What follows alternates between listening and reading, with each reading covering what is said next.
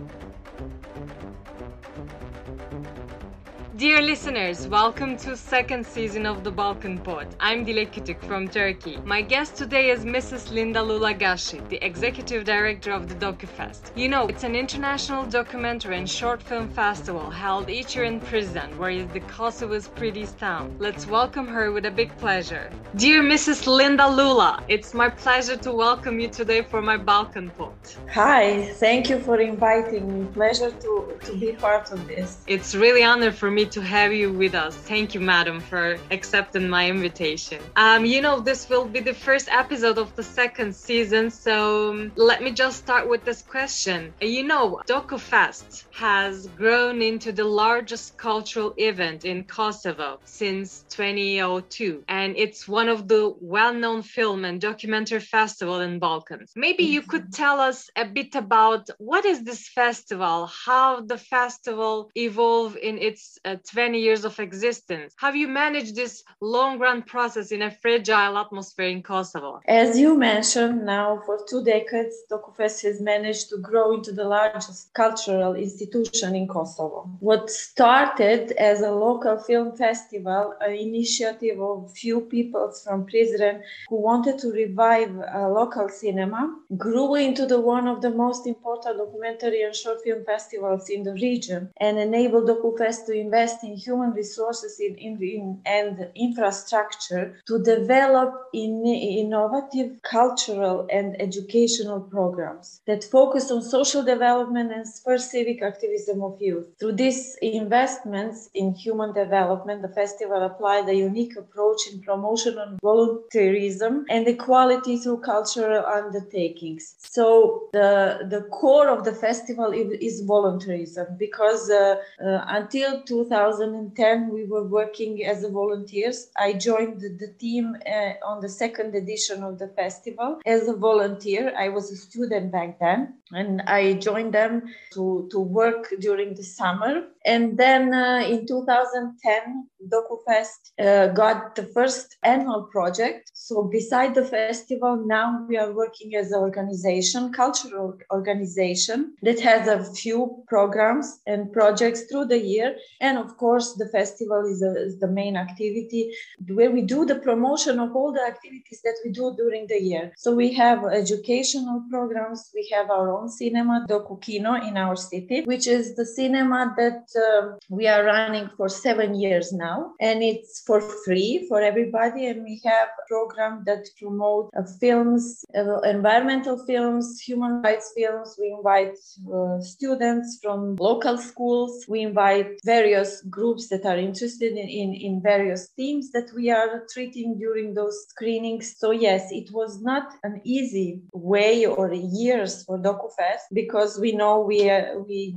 just got off the war and um, what was an uh, initiative just to revive a cinema, we became festival that is well known, worldwide well known festival and really, really recognizable festival for from the filmmakers and um, audience and I, I mean we managed to become a leader in cultural in, event in, in the region. It was not easy because in the beginning and still now we are struggling with finances, especially with the governmental finances. Then uh, if there wasn't wasn't uh, international organizations and embassies, I don't think we could manage to to beat this big festival because they saw the the potential of our festival and the organization and they were investing through the years through american donations and european union donations and various other organizations like rockefeller brothers and many many more at this point i would like to ask that is there any turkish company or turkish public broadcaster tv or media offers sponsorship to this festival or do you have any calls for it or any attempt in this regard well we had um, the sponsorship with uh, Limak.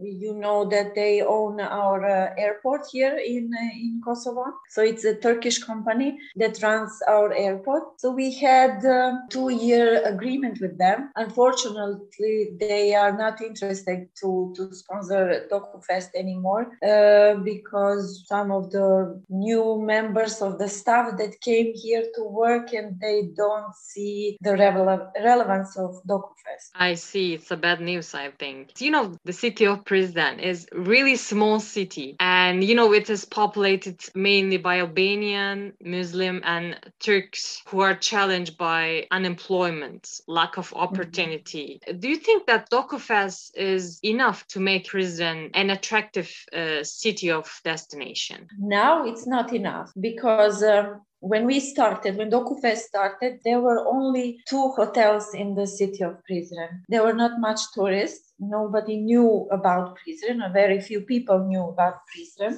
And now we have uh, only in the in the city center we have more than 50 hotels and uh, private residences lending their rooms and houses for the festival. So um, DokuFest uh, was enough until five years ago, but now all of us together. So the economy of Prizren, the municipality of Prizren, the stores, the restaurants, bars, and, and hotels, we have to join our, our powers and make the Prizren um, a really attractive touristic place. So it's not only DokuFest, there are a few other festivals that are working, that are happening during the year. Most of them are in the spring and summertime. So, yes, we have to join our, our powers and our activities and make the Prizren a touristic place. I have to mention that in the five, uh, this last five years, we had more than 60,000 visitors during the DokuFest, during 10 days of DokuFest. So it's a really, really big number for Prizren. And we had um, more than 5 million euros turnover in the city. So 5 million for the city like Prizren in 10 days is a really big, big number. You know, the mostly known festival in the Balkans is Sarajevo Film Festival. In, in also Turkey, Sarajevo Film Festival is really popular. So what features uh, distinguish or highlight this festival from Sarajevo Film Festival? I mean, what are the similarities and differences between these two festivals? Do you think it's right to make comparison between Sarajevo Film Festival and No, I, I wouldn't like to compare the DokuFest and Sarajevo Film Festival because they are two totally different festivals. I mean, Sarajevo Film Festival is really important festival. It's a huge festival. It's really nice festival. They have a really good program, but we are something different. So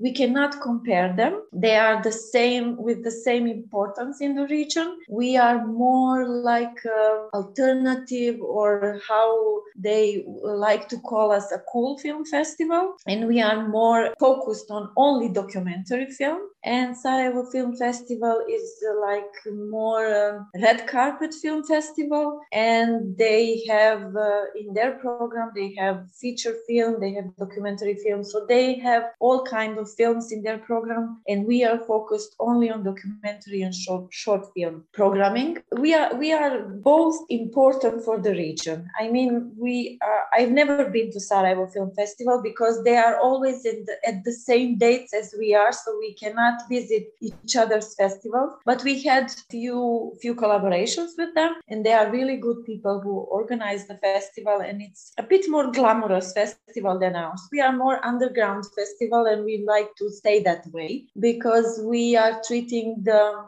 documentary film, we are treating documentary photography, we are treating um, themes uh, that bother the world. So every year we choose a theme for the festival that is uh, like what is actual happening in, in the world. So when we had uh, migration in Kosovo in 2015-16, massive migration, we, we had a theme migration. So we like to, to have a theme and we like to, to address certain topics and certain problems that are bothering Kosovo region and the world at the moment. Sarajevo Film Festival is something different and um, they are doing a really, really good job. I see. At this point, really, I would like to ask that because you mentioned a little bit. Do you think uh, DokuFest plays a political role in the Balkans? For example, you mentioned the recent festivals, them. How do you choose them for each year? Do you follow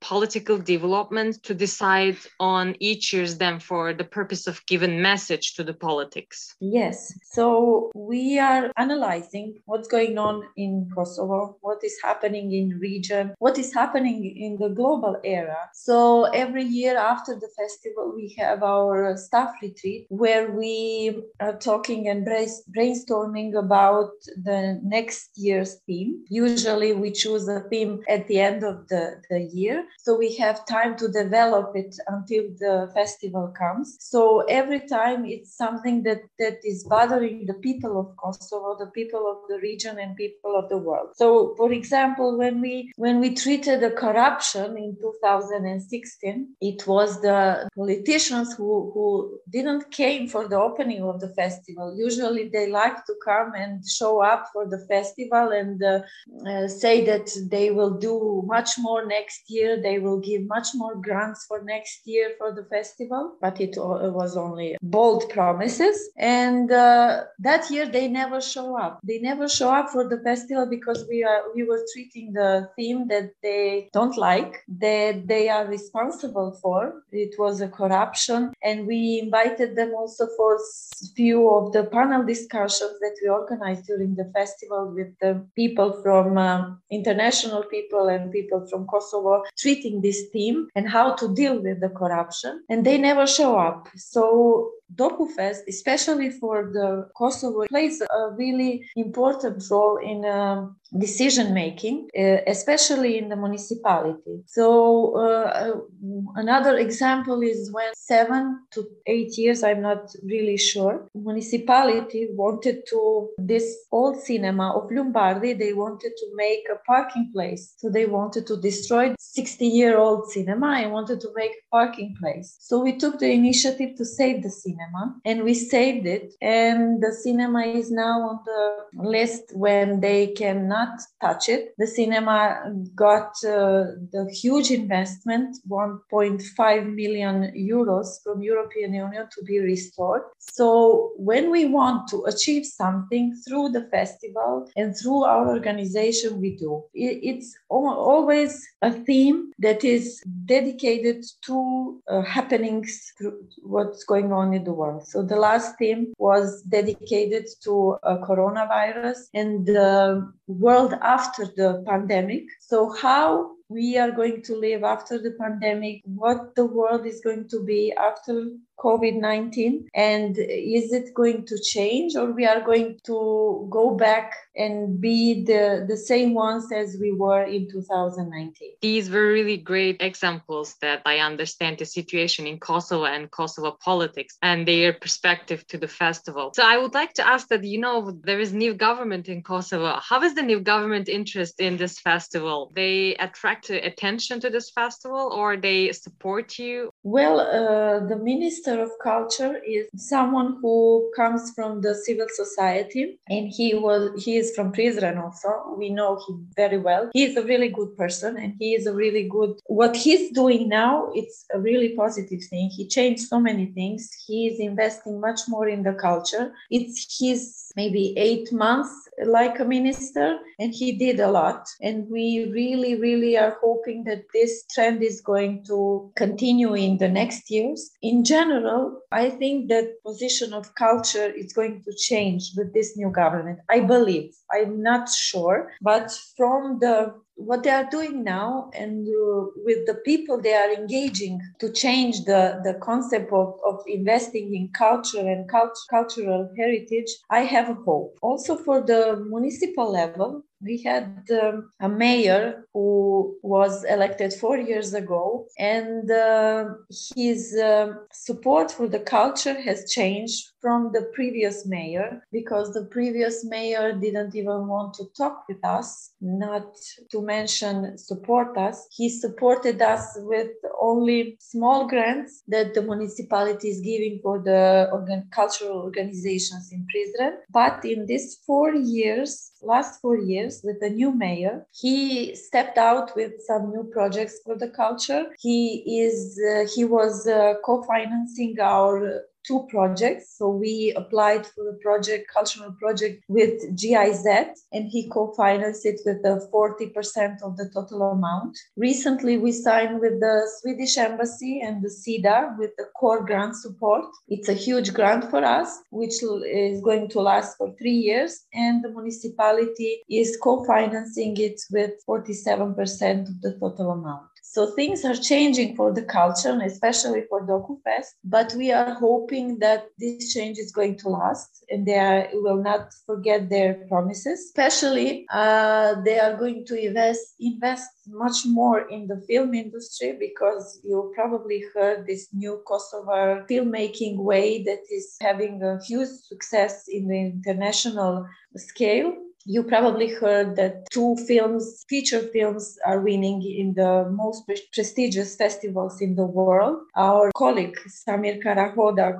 who is also a short film programmer at DokuFest, uh, is winning prizes with his um, film Pa vend, short film Pa vend. I don't know if you heard, but last night he won uh, in, in, Istanbul the main prize in the festival of Boğaziçi. So we are really, really proud of him. So this success success is not random success. It's what DokuFest and other organizations have invested for years in filmmaking, in development of films, in filmmakers. And uh, this is the, the, success that we are enjoying now. And the government also promised that from the next year they will invest much more in the filmmaking industry, in new filmmakers. We are also giving grants as DokuFest with the support of Swedish We are giving grants to young individuals who are up to 30 years old and they have to be a Kosovo citizens. They can apply for a grant at DokuFest to make a film. It's not a small grant, it's a 10,000 euro grant, which is really, really nice opportunity for the young